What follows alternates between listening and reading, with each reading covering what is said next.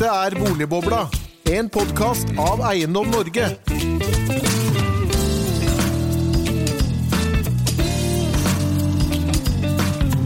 Hjertelig velkommen til en ny episode av Boligbobla, denne gang om koronakrise og krakk. Eh, I mars slo smitteverntiltakene mot eh, koronaviruset inn over Norge og norsk økonomi med stor styrke. Det er nå ventet at arbeidsledigheten vil komme opp på rekordhøye nivåer, samtidig som oljeprisene er gått til bunns og styringsretten er satt til historiske null prosent. Hva betyr dette for norsk økonomi, og hva betyr det for boligmarkedet, spør vi. Og kan boligmarkedet, som enkelte sjefsøkonomer hevder, være gjenstand for et krakk?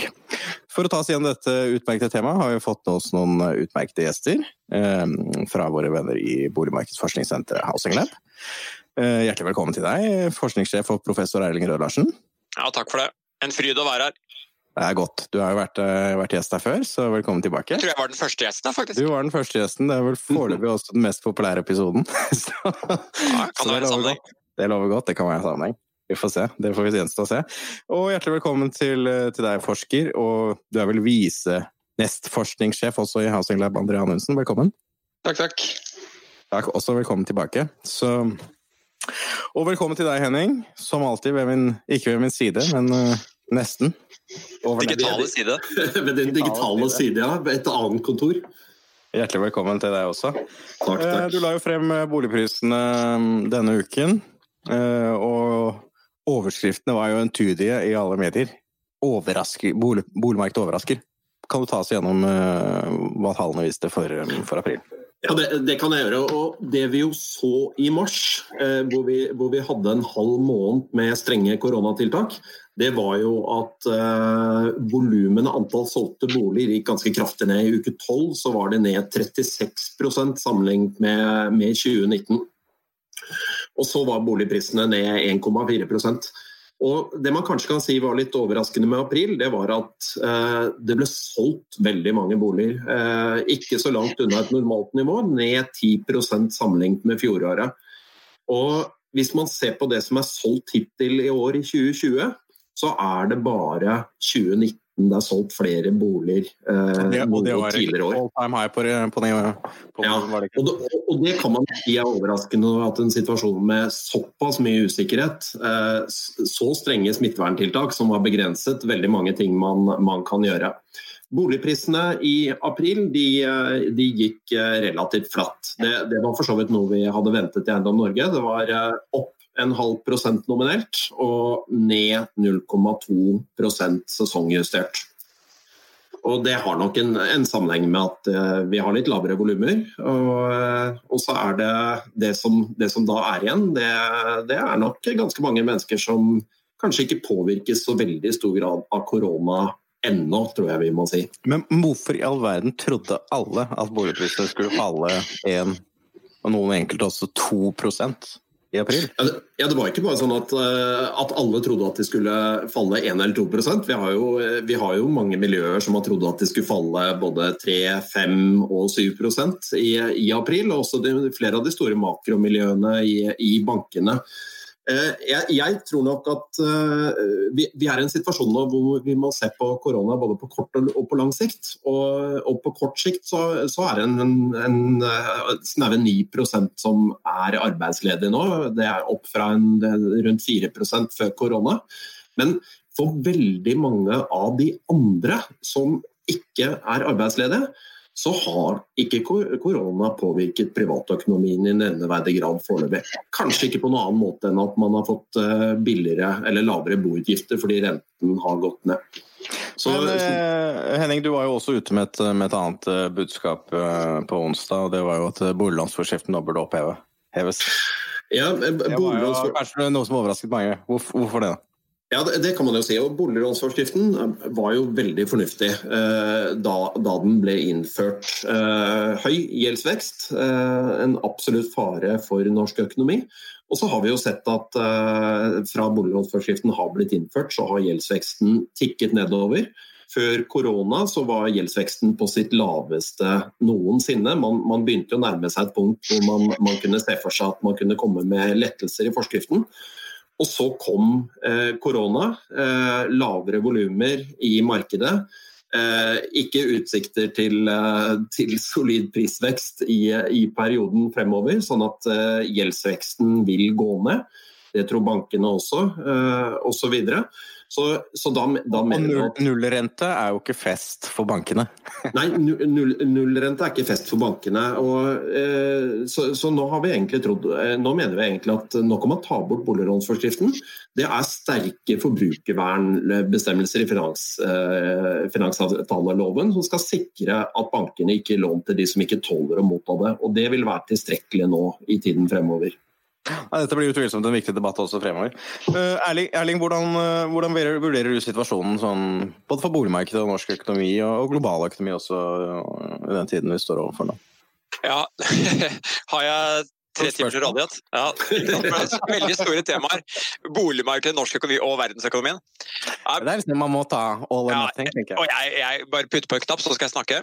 Altså, Jeg skal først eh, tilstå at jeg ble litt overrasket over tallene som kom på onsdag. Du var ikke alene. Øystein Olsen sa jo i dag dette var overraskende. Ja, eh, så Noe annet ville være å lyve fra min side. Og jeg hadde nok sett for meg et fall. Eh, så var det sånn at Sesongjustert så var det et fall i Oslo. da. Det var vel på 1,0% som er selvfølgelig et betydelig fall kan du si, i, i en måned. Men jeg, jeg syns ikke Jeg vil framstå med liksom integritet hvis jeg prøver å si at dette her så jeg komme, for jeg var litt overrasket. Og, og, men når man blir overrasket og får de data inn, så er det jo sånn at eh, hjernene på forsker begynner å spinne med en gang for å kunne forklare dette. Og det vil jo egentlig da bli en rasjonalisering, da, som er selvfølgelig veldig farlig, for da kan du stå i fare for å bomme neste gang.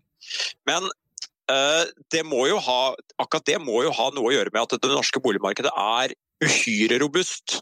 Uh, men så blir det jo spennende å se hva dette her altså forskjell mellom en temporær hendelse og noe som blir mer permanent. Da. Så jeg føler at fasiten kan vi ikke sitte med før at dere inviterer oss igjen i august-september. Eh, eventuelt hvis det kommer en ny bølge, da. Men, eh, men eh, det var jo uten tvil et positiv, positiv, nyhet at boligmarkedet klarer å få dette her. Og dere vet at vi i Hasingab er jo ekstremt opptatt av at boligmarkedet er trolig Norges nest viktigste marked. Vi innrømmer, vel, ja, vi innrømmer vel at arbeidsmarkedet er det viktigste markedet, mm. fordi det er tross alt det som skal produsere verdiene våre. Men vi mm. må ha et sted å bo, og vi må ha, vi må ha shelter. Så, og boligmarkedet, det som er ofte vårt poeng, da, er at boligmarkedet Hvis boligmarkedet ikke fungerer, så kan ikke arbeidsmarkedet fungere. Så boligmarkedet er nødvendig, hvorfor, men ikke Hvorfor ikke det? For det må du forklare, tror jeg. Ja, ikke sant? Så, og Da er det greit å ta helt konkrete eksempler. Si Hansen er en, er en ingeniør, jobber i Stavanger, mister jobben. Er arbeidsledig, er arbeidssøkende. Så er det en vakans, altså en ledig jobb, i Oslo. Han vil gjerne ta den jobben.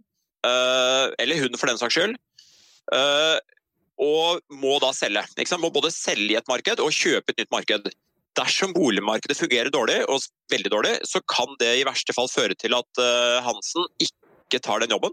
Simpelthen fordi vedkommende ikke kommer ut av boligen på en god måte i Stavanger. Da. Og kanskje til og med har kjempeproblemer med å komme inn i boligen i Oslo. Det siste har jo vært veldig aktuelt. At antagelig så må vi si at boligprisnivået i Oslo kan godt tenkes ha skremt noen potensielle arbeidstakere fra å komme inn og ta viktige jobber for samfunnet i Oslo. Eh, fordi, boligprisene boligprisen er høy. Det er en egen historie som vi burde ha en egen mm. podkast om. Tilbudssiden i Oslo. ikke sant? Det, det kommer vi tilbake til. Ja, ikke sant? Så, så da har jeg kommentert det ene. Altså Boligmarkedet overrasket, men jeg fikk jo en god følelse. Tenkte at dette her kanskje kan gå bedre enn uh, man, man skulle tro. Så er det norsk økonomi, og norsk økonomi har jo blitt rammet av altså holdt på å si som Mohammed Ali, one right, one left. ikke sant? Sånn skikkelig minst to punch, da, med en koronasituasjon som gjør det guffent innad i landet. Dernest et oljeprisfall. Bikka det ikke oljeprisen rett under 20, eller var det bare så vidt ned på 20? Uh, Texas Intermediate på negative priser, ikke sant. Mm. Det er jo sånn at man gnir seg i øynene og tror at dette her hadde vi Jeg hadde aldri trodd jeg skulle se negative priser i oljemarkedet, og jeg hadde ikke trodd at uh, oljeprisen uh, Brent Blend skulle komme så langt ned. Så igjen, ikke bra for norsk økonomi. Dette kommer til å eh, bli massive fall i oljeinvesteringene. Det kommer til å bli fall i næringsinvesteringer. Det kommer til å bli fall eh, i ja, Det er forresten litt farlig å si fall i reallønn, men det har vært Jeg ser at det har vært spekulert i akkurat det. Da. Ja, i hvert fall mye lavere vekst i reallønnen. Jeg har sett anslag SSB har gitt på at konsumet skal ned 10 Det Altså, mm. Folk har kanskje ikke noe forhold til 10% men altså 10 fall i konsumet. Altså, her snakker vi ikke bare om Gucci-vesker og, og bussturer. Altså, her snakker vi om alle mulige ting som gir velferd til mennesker. 10% mindre konsum. Mm. Ja, det er voldsomt. Det er voldsomt. Så, så norsk økonomi er inne i, i en av de mest utfordrende situasjonene i mitt liv. Det, men, men, da må man jo ile til med å si at jeg, hvis jeg skal si noe til dere som jeg er mest imponert over, så må jeg si jeg er imponert over myndighetene. Altså Snakk om å snu seg rundt fort, snekre sammen redningspakker, den ene etter den andre. Først med låneordninger, dernest med støtte til faste kostnader. Jeg syns det er ekstremt imponerende. Altså Det er vel ingen land som kunne utbetalt et sånt si, kontantstøtte til bedriftene så fort? Nei, ikke sant? Så Det er både størrelse på det og veldig god innretning. Eh, og i tillegg til det, som også er litt frydefullt å se, da, vi har de tekniske løsningene på plass som gjør at disse pengene kan komme ut ganske fort. Mm. Med alt fra Altinn til digitale løsninger. Jeg har jo bodd fem år i USA og er jo fan av USA. og har jo grått meg i seng omtrent når jeg ser på hvordan amerikanerne løser det. De, Sjekkhefte. Sjekkhefte. Altså, det, tok, de, det tok kjempelang tid før de pengene som ble lovet, kunne komme. Så helt annet og backwards uh, solution. da. Så Norge er veldig godt rustet til å tåle dette, men jeg tror vi må være realistiske og si at dette blir tøffe tak og den berømte livremmen som strammes inn i Norge. Så blir det jo, altså det, ikke sant? Vi sitter her egentlig og venter på smittevernekspertene. fordi Hvis reproduksjonstallet nå er nedpå så lavt som 0,6 osv., kjempebra, så krysser vi fingrene for at det reproduksjonstallet er under én en god stund. Antagelig kommer det over én når livet vender tilbake til normalen. og Så må vi inn med noen tiltak igjen. Så blir dette den der såkalte hammer and dance. ikke sant? At du, du, slipper opp litt, og så må du slå litt tilbake. og Så må du holde på litt sånn. Så det blir spennende å se effekten av det over tid. da. Men så til siste store temaet som du drakk opp, verdensøkonomien. Altså, det, altså, dette er jo historisk. Jeg husker mm. jeg satt eh, Jeg var visiting scholar på CBS i København 15.9.2008. Eh, da jeg gikk bortover gangen og så at alle disse finansmonitorene som de andre professorene hadde der nede, da, de mm. så ut som sånne, eh, sånne kurver som man ser på sykehus hos pasienter, hvor hjertet har mm. stoppa å slå. Det er helt flatt. liksom Og så husker jeg tenkte til meg selv dette her hadde jeg aldri trodd jeg skulle være med på dette her hadde jeg aldri trodd jeg skulle se. Og, så, mm. ja, og nå er vi vel i en situasjon som høyst sannsynlig er orders of magnitude. Altså mm. kanskje en null til i størrelse og effekt av det, altså. Mm. Uh, var, det var 20 millioner arbeidsledige i USA. Folk er 20 millioner arbeidsledige i USA! Det er 300 millioner mennesker i landet. Det er jo svært land. Men, og det er klart, Amerikanerne er jo sånn at det er higher and fire og fire and hire. ikke sant? Så dette går jo på minutter. og det er klart at Når USA kommer tilbake, så kommer du til å ansette millionervis igjen. da. Mm. Men bare tallet, for oss som er opptatt av tall, mm. det, det er sånn at du blir svimmel og mo i knærne når du ser dette her. altså. Og det samme er jo hva skal du si, de norske permitterings- og arbeidsløshetstallene. De er jo helt Ja, flere hundre tusen. altså, 90-tallet og, og begynnelsen av 90-tallet er jo ingenting i sammenheng. Ja, så det er, det er, ingen, må, ingen, må, la seg tro noe annet at dette her er det mest dramatiske på mange, mange tiår. Altså. Mm. André, hva er din take på situasjonen vi nå står overfor? Uh, ja. Uh, nei, jeg tenker jo det samme som uh, Jeg skal være ærlig, jeg òg. så jeg også ble overraska over tallene og hadde forventa et større fall. Men samtidig så kan man jo se for seg altså, fall i volumet. Altså, du, du, kan jo se for deg at en del bare utsetter salget for å ikke realisere tapet. Så at det, det teoretiske tapet, egentlig, hvis alle som normalt ville solgt, er kanskje større enn det vi faktisk ser. da. Og det, det, er også konsistent med Det fins en um, veldig kul sånn forskningsartikkel av en som heter David uh, Genesov og Meyer, hvor de kikker på sånn, det de kaller tapsaversjon da, i leilighetsmarkedet i Boston. Og det de finner da, at Folk er veldig redde for å selge med tap. De vil ikke selge med et nominelt tap. Kjøpte du for to millioner, så ønsker du ikke å selge for mindre enn to millioner. Det er jo egentlig det som skjer i Stavanger nå, sannsynligvis. da. Nettopp. ikke sant? Også I stedet da for at du realiserer tapet, så utsetter du på en måte salgsbeslutningen. da. Så at eh, sånn sett er man positivt overraska, men så kan du også tenke at hm, med at det skjuler egentlig et liksom, sånn latent tap som vi egentlig ikke ser, som er større enn, eh, er større enn, eh, enn det vi ser. da. Men når det er sagt, så uh, kan man også tenke at uh, Altså Hvis man tenker litt sånn breiere sånn makroperspektiv, da, så har vi kikka på så Vi lager jo på Housing Lab sånn uh, kvartalsvis oppdatering av hvorvidt boligprisene er overvurdert eller undervurdert, eller, mm. eller uh, om de er i balanse. Og Vår siste oppdatering, som da er tall uh, ut 2019, så fjerde kvartal 2019, finner vi at boligprisene var overvurdert med omtrent 11% Så hvis du tenker et sånn makroperspektiv, så vil jo på en måte noe av, den, noe av fallet, selv om ikke det er så stort, også bidra til en sånn slags makrostabilisering. da, Fordi du antagelig får boligpriser som er nærmere Fundamentalt, men, men er ikke variablene som i den modellen jo da, det er, det er, også sant. Så, men det er jo det som uh, er det litt viktige, som du nevnte i begynnelsen også. Det er forskjellen på det, og det syns jeg kanskje er det mest interessante, forskjellen på det kortsiktige og det langsiktige oppi dette her. Fordi én ting er nå altså, altså, både det man ser i realøkonomien, og også delvis da i boligmarkedet, er jo det kortsiktige, men det spørsmålet er jo hvor mye av dette biter på lang sikt. For Det er åpenbart på en måte at vi skal få noe på kort sikt, for vi har, vi har kvert etterspørselen, og det har vært en, en villet politikk. Uh, så, så, man skal jo på en måte se ting tyte ut i, i, realøkonomien, og ledigheten skulle jo øke. på en måte. Men spørsmålet er hvor mye av dette biter fast på lengre sikt. Og Spesielt dette med arbeidsmarkedet, så vet man jo at uh, det er jo muligheter for sånne såkalt det vi kaller hystereseeffekter. Så rett og slett at hvis folk er på utsida av arbeidsmarkedet i lang tid, så blir de så kan der. Det bli, nettopp, så blir de der. kan bli vanskelig å komme tilbake. Så De færreste tror vel at vi kommer til å se den ledigheten vi har nå, når eh, denne krisa er over.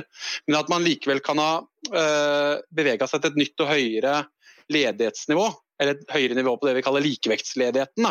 Mm. Det er jo ikke helt, uh, ikke helt, utenkelig. Og det er klart, Da vil du også få mer langvarige uh, makroimplikasjoner. Og spesielt også dette her Erling snakka om med, med, bolig- og arbeidsmarkedet. Så klart Nå har man jo ikke sett så mye i, uh, i boligmarkedet som mange frykta. Men Uh, om man skulle se mer, så er den linken der så utrolig viktig. for Erling var jo også inne på det, at det, kan gjøre det vanskelig for folk å flytte. Og Der også er det jo noe, en veldig kul eh, som Erling og jeg har snakka mye om, en sånn forskningsartikkel fra eh, en som heter Matza, Brown og Matza. hvor de kikker, de, Den heter 'Locked in by leverage'. Og så kikker de på ulike gjeld, altså? eller? Nettopp. De er låst av gjelda. ikke sant? Så rett og slett Det som skjedde, var at uh, under, i forbindelse med, med subprime-krisa i USA, en god del husholdninger som hadde en gjeld som oversteg verdien på boligen. Og så hadde de bare rett og slett ikke råd til å flytte på seg. ikke sant? Mm. Og Det er klart at det skaper noen kjempefriksjoner med tanke på mobiliteten i arbeidsmarkedet. For det er jo ikke mm. alltid det er ledig arbeid akkurat der du bor. Og hvis det er ledig arbeid et annet sted enn der du bor, men du ikke kan flytte på deg, rett og slett fordi at eh, verdien på gjelda di overstiger, eh, overstiger eh, verdien på boligen din, så at du har negativ egenkapital, da, så blir det fryktelig vanskelig å flytte på seg. Og da kan du ende med en veldig dårlig sånn ressursallokering. ikke sant? flinke folk som kunne mm. jobba et sted, men som ikke kan det, rett og slett bare fordi de, de har negativ egenkapital.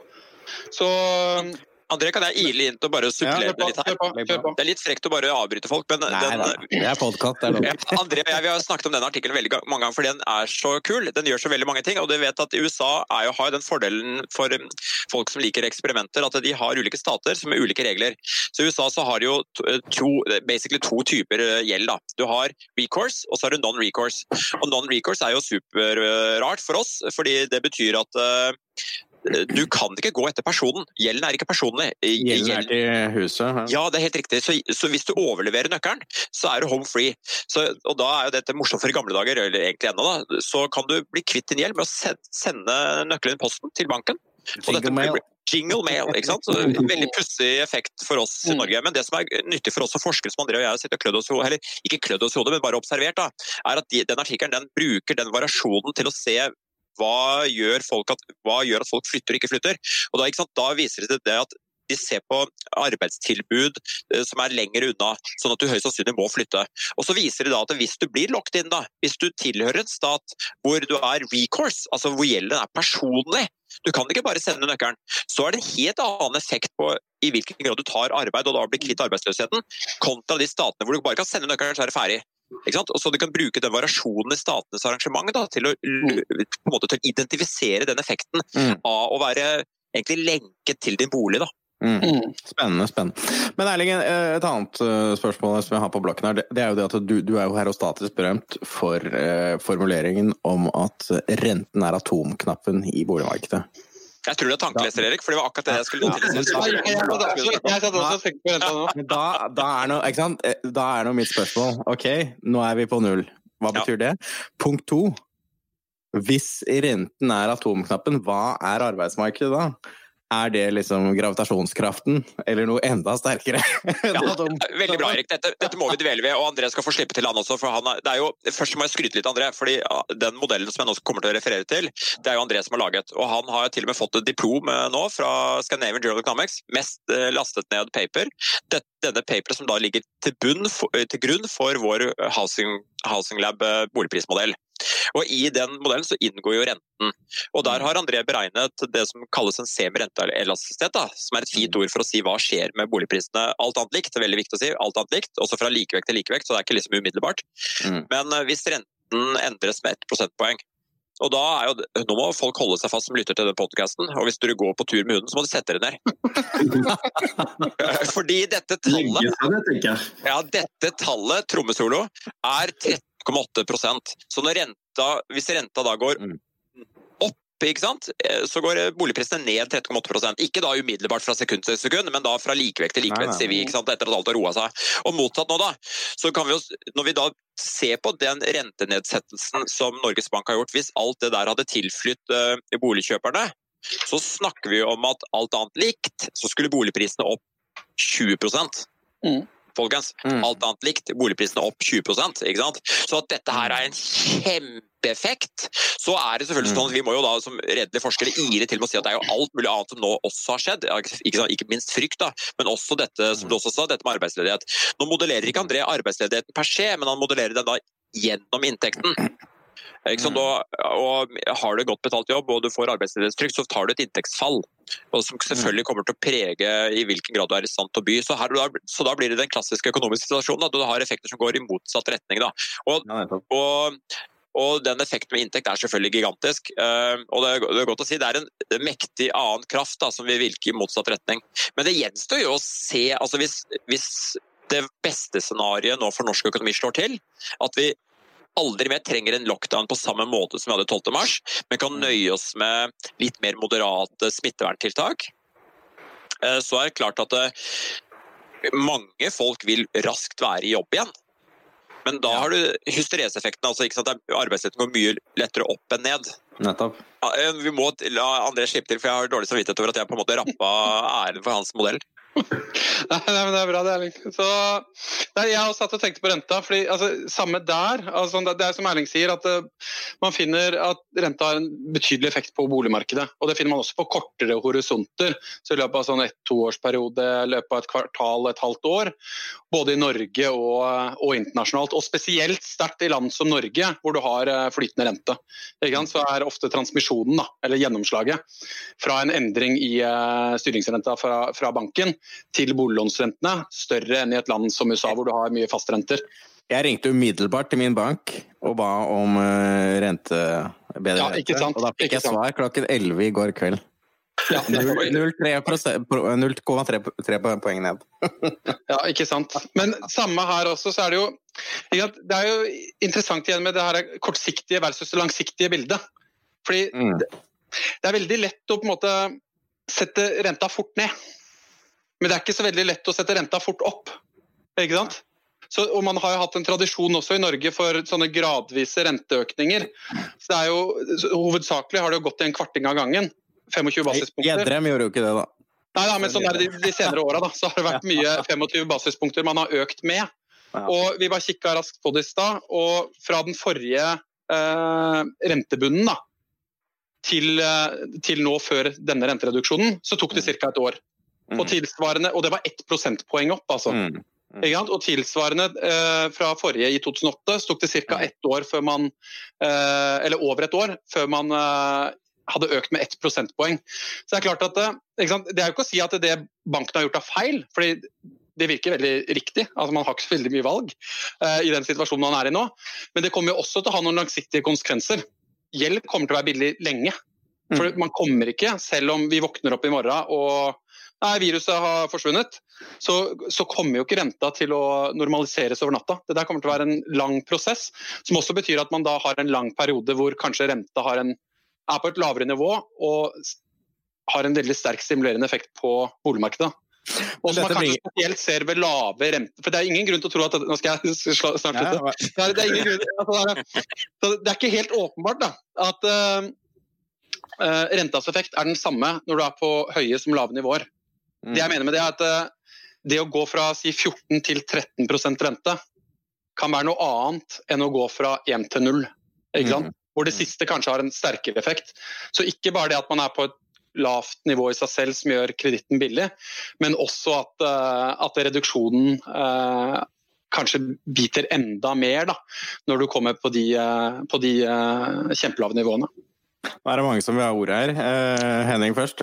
Nei, Jeg, jeg synes jo En sånn veldig interessant side ved situasjonen vi er i nå, er forholdet mellom de kortsiktige og de ja. langsiktige konsekvensene av dette. Og jeg, jeg, opplever jo, når vi ser på hvor ekstremt mange av makroøkonomene bommer for tiden, det er fantastisk vanskelig å spå i den situasjonen vi er i og har vært i. For de minner ikke om noe annet. Passer sikkert ikke inn i noen av modellene man har osv. Men, men realiteten er jo når vi ser på boligmarkedet, eh, omtrent 90% av rekordvolumet fra i fjor. Og, eh, og, vi har en del som, som, helt sikkert ikke er aktuelle som kjøpere i øyeblikket, fordi de enten er usikre eller permitterte. Men for, på kort sikt, for den store gruppen som er igjen, så er det jo veldig mange som i hvert fall på kortvarig basis ikke berøres av dette i det hele tatt. Altså, jeg tenker på 30% av arbeidsstokken er, jobber i offentlig sektor i Norge. Det er ikke mange som er permitterte der. Hva har de fått? Jo, de har fått nullrente. Nå koster det 1000 kroner i måneden å låne en million. Eh, det er jo, det er jo nesten ingenting. Eh, sånn at jeg, jeg, tror det er noe av det vi også ser i, i boligmarkedet nå, når vi ser på mm. Men på, på, et eller annet tidspunkt, eh, det er jo et viktig poeng det du kommer med der, men på et eller annet tidspunkt så vil jo dette, dette slå hardt inn i statsøkonomien. Og det, det, vil vi sannsynligvis allerede se neste uke, da vi får revidert statsbudsjett. Men før vi går dit, Erik, vi, vi skal dit. Er det lov å bare være frekk og så bryte inn igjen, bare for å minne Ta, folk og lytterne om nå? Bryt inn, ja, vær så god. Fordi, uh, no, tar du over programlederrollen, men ok. ja, sorry. Det er jo my nature. Litt frekk uh, å være snakkesalig. Jeg skylder bare på gener. Jeg kommer fra en familie hvor min mor og min søster snakker dobbelt så mye som meg, og dobbelt så fort òg. Tro det eller ei. Men det, for det som jeg skulle minne folk om, det, apropos renten, er at i utgangspunktet så er det jo litt underlig når løsningen på den medisinske krisen er å stenge ned økonomien. Det er, det, er, måten vi gjør det på. Så det var jo ikke bare villet, men det var jo på en måte den kuren vi skulle, vi skulle slutte med økonomisk aktivitet. Fordi økonomisk aktivitet innebærer å smitte nærhet. Så skulle vi stoppe antok man, da, i hvert fall. Antok man, da. Antok man, ikke sant? Og så skulle stenge ned. Så, så det nedstengende økonomien var jo eh, en del av kuren. Og så kunne man tenke seg, eller Noen kunne da opponere og si jo, men en rentenedsettelse er jo en ekspansiv politikk som man normalt bruker for å øke etterspørselen, men redusert etterspørsel var jo det vi ville. Er ikke dette her nesten å motarbeide tiltakene? Mm. Ja. Men da må vi huske på at eh, ikke sant, og nå må jeg passe på at jeg skal ikke gjette på intensjonene til eh, Norges Bank, men det ligger jo litt i korta at det de fortrinnsvis ønsket, var jo å hjelpe de med ikke nødvendigvis husholdninger husholdninger, med norske bedrifter med, med lån. Ikke mm. sant? Fordi norske bedrifter som stenger ned, står i ferd med å gå konkurs hvis de ikke kan betjene sine lån. Så Det tror jeg var hovedtankegangen. ikke sant? Og så rett og slett så kommer etterspørselsstimulansen som en da en nærmest litt uønsket sideeffekt. Også, men siden vi ikke fikk lov til å bevege oss ute, så kunne vi ikke kjøpe øl og uh, andre ting for disse tingene. Det man imidlertid kunne gjøre, var selvfølgelig med enkelhet å betjene sine boliglån. Mm. Men da tror jeg vi skal Jeg tror vi må være enige med denne forsamlingen at det var egentlig sånn kall det en sideeffekt. Ønsket eller ikke ønsket, det vet jeg ikke. Men hovedhensikten her var å redde egentlig på en måte bedriftenes store lån. Da. Og så, når det er sagt, så vet vi at nå, nå er foliorenta på 0% Og det, det er mange, mange, mange, mange ting å kommentere om det også. fordi husk at Renten er jo egentlig et sorteringsinstrument. Det er et, et, instrument som skal sortere hvor går ledige midler. Skal ledige midler gå til en veldig god idé eller en nokså god idé? Det er ekstremt enkelt å å betjene lån hvis du ikke skal betale renter. Mm. Og eh, mange har jo sagt at én forståelsesmåte av Japan, på en måte det, det tapte tiåret i Japan, nemlig der ingen bedrifter går konkurs, skyldtes jo at de hadde rentefot på null. Mm. Og, problem, og da har jo onde tunger, onde tunger sagt at Japan ble et museum. ikke sant? Fordi Mm. i Det er så noen vi som sier det om Europa også nå, da. vi ønsker jo egentlig konkurser, så brutalt det enn høres ut. fordi det er jo må Konkurser er jo måten en markedsøkonomi flytter om på arbeidskraft. ikke sant? Vi ønsker at vi skal ta noen. Ja. solnedgangsbedrifter, konkurs, flytte over arbeidskraft til soloppgangsbedrifter. Det er klart at Nå snakker vi mye mer strukturelle og lange ting. I, i, i den krisen som vi kom oppover, som gjorde jo Norges Bank det eneste rette. Og det var å hjelpe disse, disse, den betjeningen av bedriftslån. da. Men så, så, som alle sånne kurer, så må vi da ha i bakhodet at det kommer kanskje også på en måte en, eh, en rentekostnad, altså en, en prislapp for den, denne, denne kuren en gang down the line. da. Og, og, og det var litt over til det som var temaet her, spørsmålet mitt her i sted. Altså, Øystein Børsum har jo vært ute i Dagens Næringsliv og beregnet altså utgiftene til 800 milliarder kroner. Vi snakker jo da en 7-8 av oljefondet. Altså Hvis det er tilfellet, så er jo dette helt sinnssvakt. Mm. Ikke sant? Da snakker du om at du kan på ett år tappe oljefondet for ja, en ellevte, tolvtendedel. Men, men jeg tror det som er viktig å tenke på her, er, og dette har Erling og jeg også snakka om, er på en måte hva er det kontrafaktiske, da? Hva ville tapet for norsk økonomi vært dersom vi ikke stengte ned? Fordi Mm. Det er jo ikke åpenbart. Ikke sant? Sånn her, hvis, man, hvis man ikke hadde gjort noe for å redusere eh, smitte, så er det ikke åpenbart at folk hadde strømma ned frisørene i mars-april. Det er ikke åpenbart at de hadde gått på konserter og spilt bowling og sånne ting. Så du ville nok sett et naturlig etterspørselsfall nesten uansett. Mm. Så at det, det er vanskelig å si at det, på en måte, det kontrafaktiske, det som ville skjedd, er liksom business as usual. Det ville nok vært Det er nok også riktig. et dramatisk fall i etterspørselen. Tror også ville hatt enorme konsekvenser for, for norsk økonomi. Men det betyr jo ikke at dette her ikke er kostbart, for det er det jo helt klart. Men vil veldig gjerne ile til på en måte å understøtte det André sier. for det er kanskje det, vik- det, vi- ja, det, det viktigste punktet Jeg er ivrig, vet du. Så jeg, det her, vi går ikke vanlig, vi løper. Ja, vi løper i gangene. Uh, Så folkens, ikke sant. I denne debatten, noe av det kanskje viktigste poenget kom nå fra André. Og det er at Når vi skal sammenligne og diskutere dette, her, så må man til enhver tid tenke deg hva hadde skjedd hvis vi ikke hadde gjort det. Det vi i hvert fall ganske sikkert kan si, er at den såkalte kontrafaktiske banen er ikke lik den faktiske banen før 12. mars. Mm. Den kontrafaktiske banen, altså Hvis vi ikke hadde hatt noen smitteverntiltak, hadde sett helt annerledes ut. Og Vi har jo sett litt i data uh, i et prosjekt som vi holder på med nå, at eh, folk begynte jo å oppføre seg som om de måtte ta precautions i god tid før 12. mars. Og vi husker at det var barnehage, folk, foreldre holdt barn tilbake i barnehagen. Eh, Vi, jeg driver jo og, og, og trener og, og instruerer, og vi, vi avlyste treninger i forkant av 12. mars. Altså. Så det, Folkehelseinstituttet si- sier jo at smitten falt sannsynligvis allerede før eh, 12. mars, nettopp fordi folk gjorde det du sier. Mm, mm. så jeg tror Det aller viktigste øvelsen for økonomene som skal på en måte estimere dette her i etterkant, er å skille med, så nettopp prøve å få et godt anslag på hva hadde skjedd hvis myndighetene ikke hadde gjort noen ting. Og Da kommer det jo til å stå igjen med at det som egentlig kverka økonomien, det var jo selvfølgelig covid-19. Det var covid-19 som rammet oss, så vi, vi måtte gjøre noe det ene eller andre måten. Mm. Ikke tiltakene, ikke sant. Og tiltakene, og det som André nå skal få lov til å ile til, eh, for å avbryte meg, det er at vi kjenner en som heter Werner, eh, som har sammen med noen eh, medforfattere har gjort en interessant studie. André, har du lyst til å ta det, eller? Ja, veldig, nå leser du mine tanker. for det var akkurat det jeg tenkte på. Nei, men altså Ja, ikke sant. For det er jo gjort en studie i uh, USA av en som heter Emil Werner på MIT. Danske til og med, er han ikke det? Ja, han er opprinnelig dansk. Uh, og er på MIT nå, uh, og har skrevet med noen medforfattere. Har de kikka på, på variasjoner i USA under spanskesyken. Så de ulike statene hadde ulike tiltak på ulike tidspunkt. Ikke sant? Og hovedkonklusjonen deres er at eh, det er ikke tiltaka som kverka økonomien, det var pandemien. Mm. Ikke sant? Og nå, nå skal man si det at okay, dette er jo litt ulike scenarioer og litt ulike, litt, ulike tilfeller, selvfølgelig. Men at noe av dette her har overføringsverdi, det tror jeg. Og det de finner, er at okay, de som stengte ned eh, raskere, de tar noen kostnader da. Men hvis du regner på dette her i en, i, over et litt lengre perspektiv, så så du at eh, totalkostnaden var eh, mindre for de som raskere var i gang med å, Mm. med å stenge ned økonomien. Så det det er ikke kanskje også i, i, i den situasjonen vi er i nå. Altså, USA var sent ute. De har noen vanvittige smittetall nå. Ja, og det er nå. ikke sant? For, vi må stille spørsmål, ikke sant? Så vi har vært så vidt inne på det, og det her med langsiktige konsekvenser. For dette er jo ikke, Vi gjør ikke opp regnskap for dette her eh, etter tre måneder. Nei. Vi kommer til å gjøre opp regnskap etter et par-tre år. Mm, nettopp. Så, og, og Der er jo svaret eh, fremdeles ubesvart.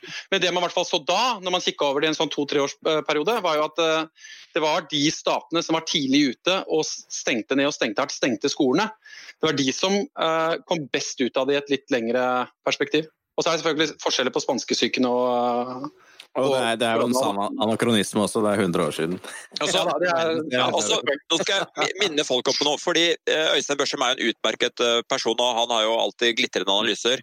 Det som vi likevel ikke skal glemme da oppi dette her, er at ja, oljefondet er 10 000 milliarder. Men hva er verdien av vår eh, arbeidskraft? Så verdien av Norges befolknings arbeidskraft er veldig mange ganger oljefondet. Og man kan da si at det man egentlig tok, var jo egentlig bare en reduksjon av den verdien. Da? Fordi alle folk istedenfor å jobbe, så satt vi hjemme og, og lekte med hunden og prøvde å ha hjemmekontor. Uh, en enorm kostnad. Litt, dette var litt flåsete sagt, kanskje ikke passende. Det var det du drev på med. Ja, til- ja jeg, jeg har en golden retriever som har fått masse turer. Han har jo elsket koronatiden, fordi han har jo fått aldri masse turer i skog og mark. Mm. Men folkens, ikke sant, så husk på det. Ja, oljefondet er stort. 10 000 milliarder. Men og jeg husker ikke i hodet nøyaktig tallene på hva de har beregnet verdien av Norges arbeidskraft i dag, og sant, den samla neddiskuterte summen av alle arbeidstiden. eh, det har vel sagt at, man, at man, eh, Norge kunne legges ned i to år for verdien av oljefondet. Så Ja, så, ja, ja, ikke sant? Så hvis det er to år og vi skal leve i 40 år, så er liksom vel, arbeidskraftens verdi er helt enorm. Og i det perspektivet så kan det tenkes at 800 milliarder er betydelig, men det var det at vi ikke jobbet eh, i noen måneder, og så kom vi tilbake igjen. Um, Men, men samtidig så, så er det jo Jeg syns det var interessant med den Børstrøms analyse, at Norge og staten går jo allerede med betydelig underskudd, ikke sant? Og det dekkes jo da av eh, oljeinntektene og gjennom handlingsregelen hvert eneste år. Vi snakker vel et underskudd på statsbudsjettet på tre, litt over 300 milliarder i, i året ca. Den situasjonen vi står overfor nå, er jo slik at eh, inntektene til oljefondet vil jo også gå dramatisk ned. Skatteinntektene vil gå dramatisk ned. Inntektene til staten.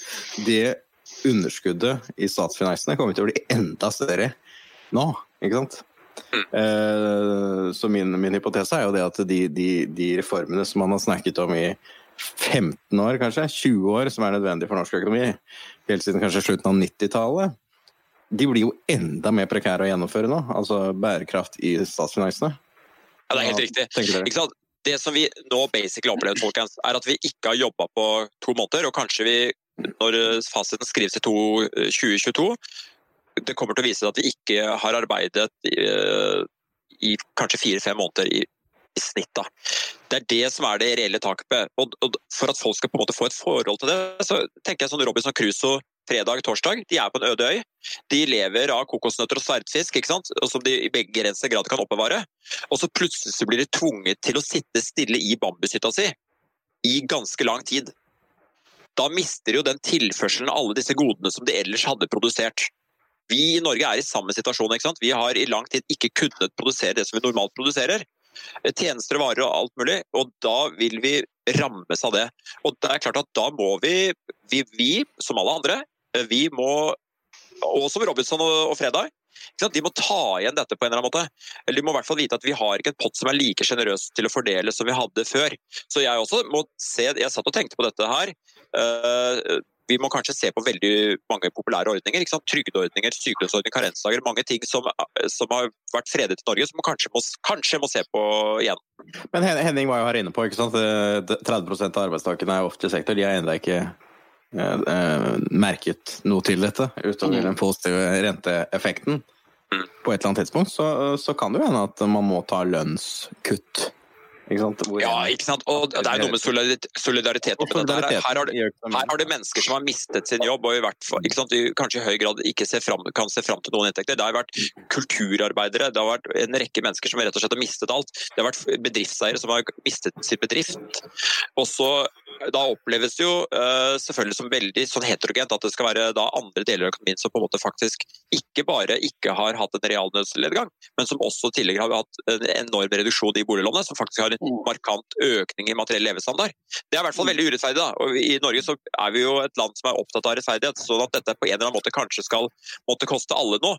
Det, det tenker jeg. Man kan nesten bli koronaprofitør her. Ja, ikke sant? Ja, ja, ja, helt realt. Ikke sant? Men det er jo et par diskusjoner som kommer til å være interessante. Altså, det ene er jo dette her med altså, det vi var litt innpå, da, må gjøre opp det regnskapet om hva, hva kosta det til syvende og sist. ikke sant? Og da, da, blir det jo det vi har uh, reiterert flere ganger. da, Det her med hva, hva, er det kontrafaktiske? For det er jo den reelle merkostnaden. Og det er ikke åpenbart enda at uh, det er et uh, positivt tall. Mm det kan hende at, at, vi kom ut på en god måte relativt til hva vi ville gjort dersom ikke vi gjorde noe. Mm. Og Du kan også se for deg sånn, på lang sikt at du faktisk får noen positive gevinster av dette her òg. At det er flere bedrifter eh, som har tatt måte, noen teknologiske steg som man ellers ikke ville gjort. At det blir produktivitetsforbedringer i det? Ja, at du tvinger gjennom at man bruker eh, noen systemer som man kanskje skulle begynne å bruke om to-tre år, men som man bare må begynne å bruke i dag. Og så Du kan jo nettopp se for deg at det er noen eh, produktivitetsgevinster som når du kumulerer det over eh, noen år, er eh, positive, og i hvert fall, hvert fall redusere kostnadene av dette her en god del. Ja, André, har, ikke vi opplevd, har ikke vi opplevd det av Houseglede? Vi har jo ja, nettopp. Vi har jo omtrent forsket digitalt uh, mellom hjemmene, vi med øl i hånda og, og kode på skjermen. Men, Henning, men, men, dette, dette minner oss over i uh, vår gjest som skulle vært hovedtaler på en av Norge-konferansen, Edvard Glyser. Ja, ja og det, det, det, er jo en sånn uh, altså jeg, jeg, ser jo denne fantastiske siden med teknologi. Jeg, jeg tenker jo at uh, her, Det kan jo være at Norge også får noen konkurransefordeler sammenlignet med en del andre land, fordi vi nettopp har kunnet løfte oss kraftig teknologisk pga. den fantastiske infrastrukturen vi har. Men, men eh, en, en, sånn bekymring jeg definitivt har hatt når det gjelder det kortsiktige, i hvert fall, det er jo hva skal man si, Edward Gleeser-effekten. At vi at vi eh, mister noe av kreativiteten når vi sitter hjemme i hvert vårt eh, klesskap og, eh, og ikke møter hverandre i det daglige. Så fungerer jo disse plattformene vi sitter og snakker på med hverandre ganske greit. Men, men der er jeg jo liksom redd for no, noe forsvinner hvis dette skulle vare for lenge. Nå ser vi heldigvis smittetall ned på 0,49, hørte jeg i dag. Så, så da kan det jo være håp at vi kan begynne å se hverandre litt mer igjen. Erling, kan det være at vi mister noen av disse agglomerasjonseffektene som Edvard Gleeser har dokumentert? Ja, veldig. Og da for tredje gang skal jeg ile til. ile til med å fortelle om, fortelle om en litt nerdeting, da. Så det fins en, eh, en, ganske mye omtalt, eh, jeg tror kanadisk, men i hvert fall amerikansk eller kanadisk studie av liksom på en måte kildene til produktivitet. Så var det da en psykolog som hadde filmet forskerne i, i et biologisk eh, forskningslaboratorium liksom, og, og, og, hadde masse assistenter, masse filming, svære tallmaterialer. Og så var tanken om skal vi finne ut hvor kommer de gode ideene. Og Da var hypotesen at de gode ideene sitter etter at du har sittet over mikroskopet en god stund, og så plutselig så dukker en idé opp i hodet ditt om hvordan en eller annen ting skulle, skulle være. Og Så viser det seg da de uh, analyserte tallmaterialene sine og filmene, da, at det var langt fra tilfellet. Det var rett og slett ikke tilfellet. Det stedet hvor de gode ideene kom opp, det var på konferansebordet. Når forskeren satt og diskuterte dette her over en kaffekopp Imellom. Imellom. Det er det. Så det som vi må ikke glemme, er at eh, det å arrangere litt uformelle flater, hvor man kan sitte og diskutere ting, det er der på en måte de virkelig gode ideene kommer opp. og Ofte så kommer de helt sideveis, helt sånn uanmeldt. Du klarer nesten ikke å provosere det fram med en agenda. ikke sant? Så jeg kan jo da fortelle dere, og dette vil jo glede dere å høre, at vi nerder vi prøver å ta vår eh, forskningsresultater på, på, alvor. Så, så, vi har faktisk vi prøvd å ha sånne drodlesesjoner digitalt, da. Hvor vi sitter litt uten egentlig noen agenda. Hvor vi sitter og tuller og rører litt. Og det er jo ikke det samme som at du er fysisk til stede. Men André og jeg, vi har, og dette er ikke tull engang, eller flørting med publikum, vi har faktisk fått noen ideer om at vi har sittet digitalt og snakket sammen, altså. Uh, så vil det jo gjenstå å se om vi klarer å, å erstatte det human touch. Jeg tror ikke det det er noe helt spesielt med å være nær hverandre. En, en senkning av skuldrene som du ikke lett klarer å få til digitalt. Da. Men, Everybody needs some human touch, som Bruce Springsteen synger. Huh? Ja, også Bruce Springsteen-fan, så tenkte jeg de nirvaner også. Og the human touch er jo viktig. Men det, det morsomme å registrere, og min hypotese er at veldig mange firmaer, inkludert Housing Lab, kommer til å tenke at eh, noen reiser er kanskje overflødig. Kan hende skal vi ha en hjemme digital dag hvor vi faktisk ikke som før, vi jobber alene på et eller annet prosjekt, men faktisk jobber hjemme alle sammen. Men vi samarbeider på digitale flater da, på en måte som ligner på kontoret på en, på en mye mer måte enn før. Og da har vi lært noe. Og jeg, min hypotese er at i Norge, pga. utbredelsen av digital teknologi og egentlig digital kompetanse hvis du ser, på, Jeg har jo kone som er lærer. Det er helt enormt fascinerende å se hvor fort de kasta seg rundt. Og jeg tipper at vi der er godt oppe i, i verdenstoppen på måten det skjedde på. Her er noe lært. Og Mm. det, det er produktivitetsforbedringer, altså. Sånn er, man kan jo, altså, i utgangs... Altså man kan, Det her har vi også diskutert en del. da, fordi det er jo De her agglomerasjonsgevinstene. Folk kommer sammen, sitter og prater veldig nyttig og bra. Og, men samtidig så har man jo undra seg over lenge også, når teknologien ligger der, hvorfor man ikke i større grad benytter de digitale plattformene. Så Man kunne også mistenke at eh, dette her har vært en øyeåpner for mange. da, Over hvor sømløst egentlig det er å jobbe eh, hjemmefra i mange tilfeller. Og hvor man kan ivareta også på en måte de kontaktflatene som er nødvendige, at man møtes og gode ideer, gode ideer skapes rundt bordet.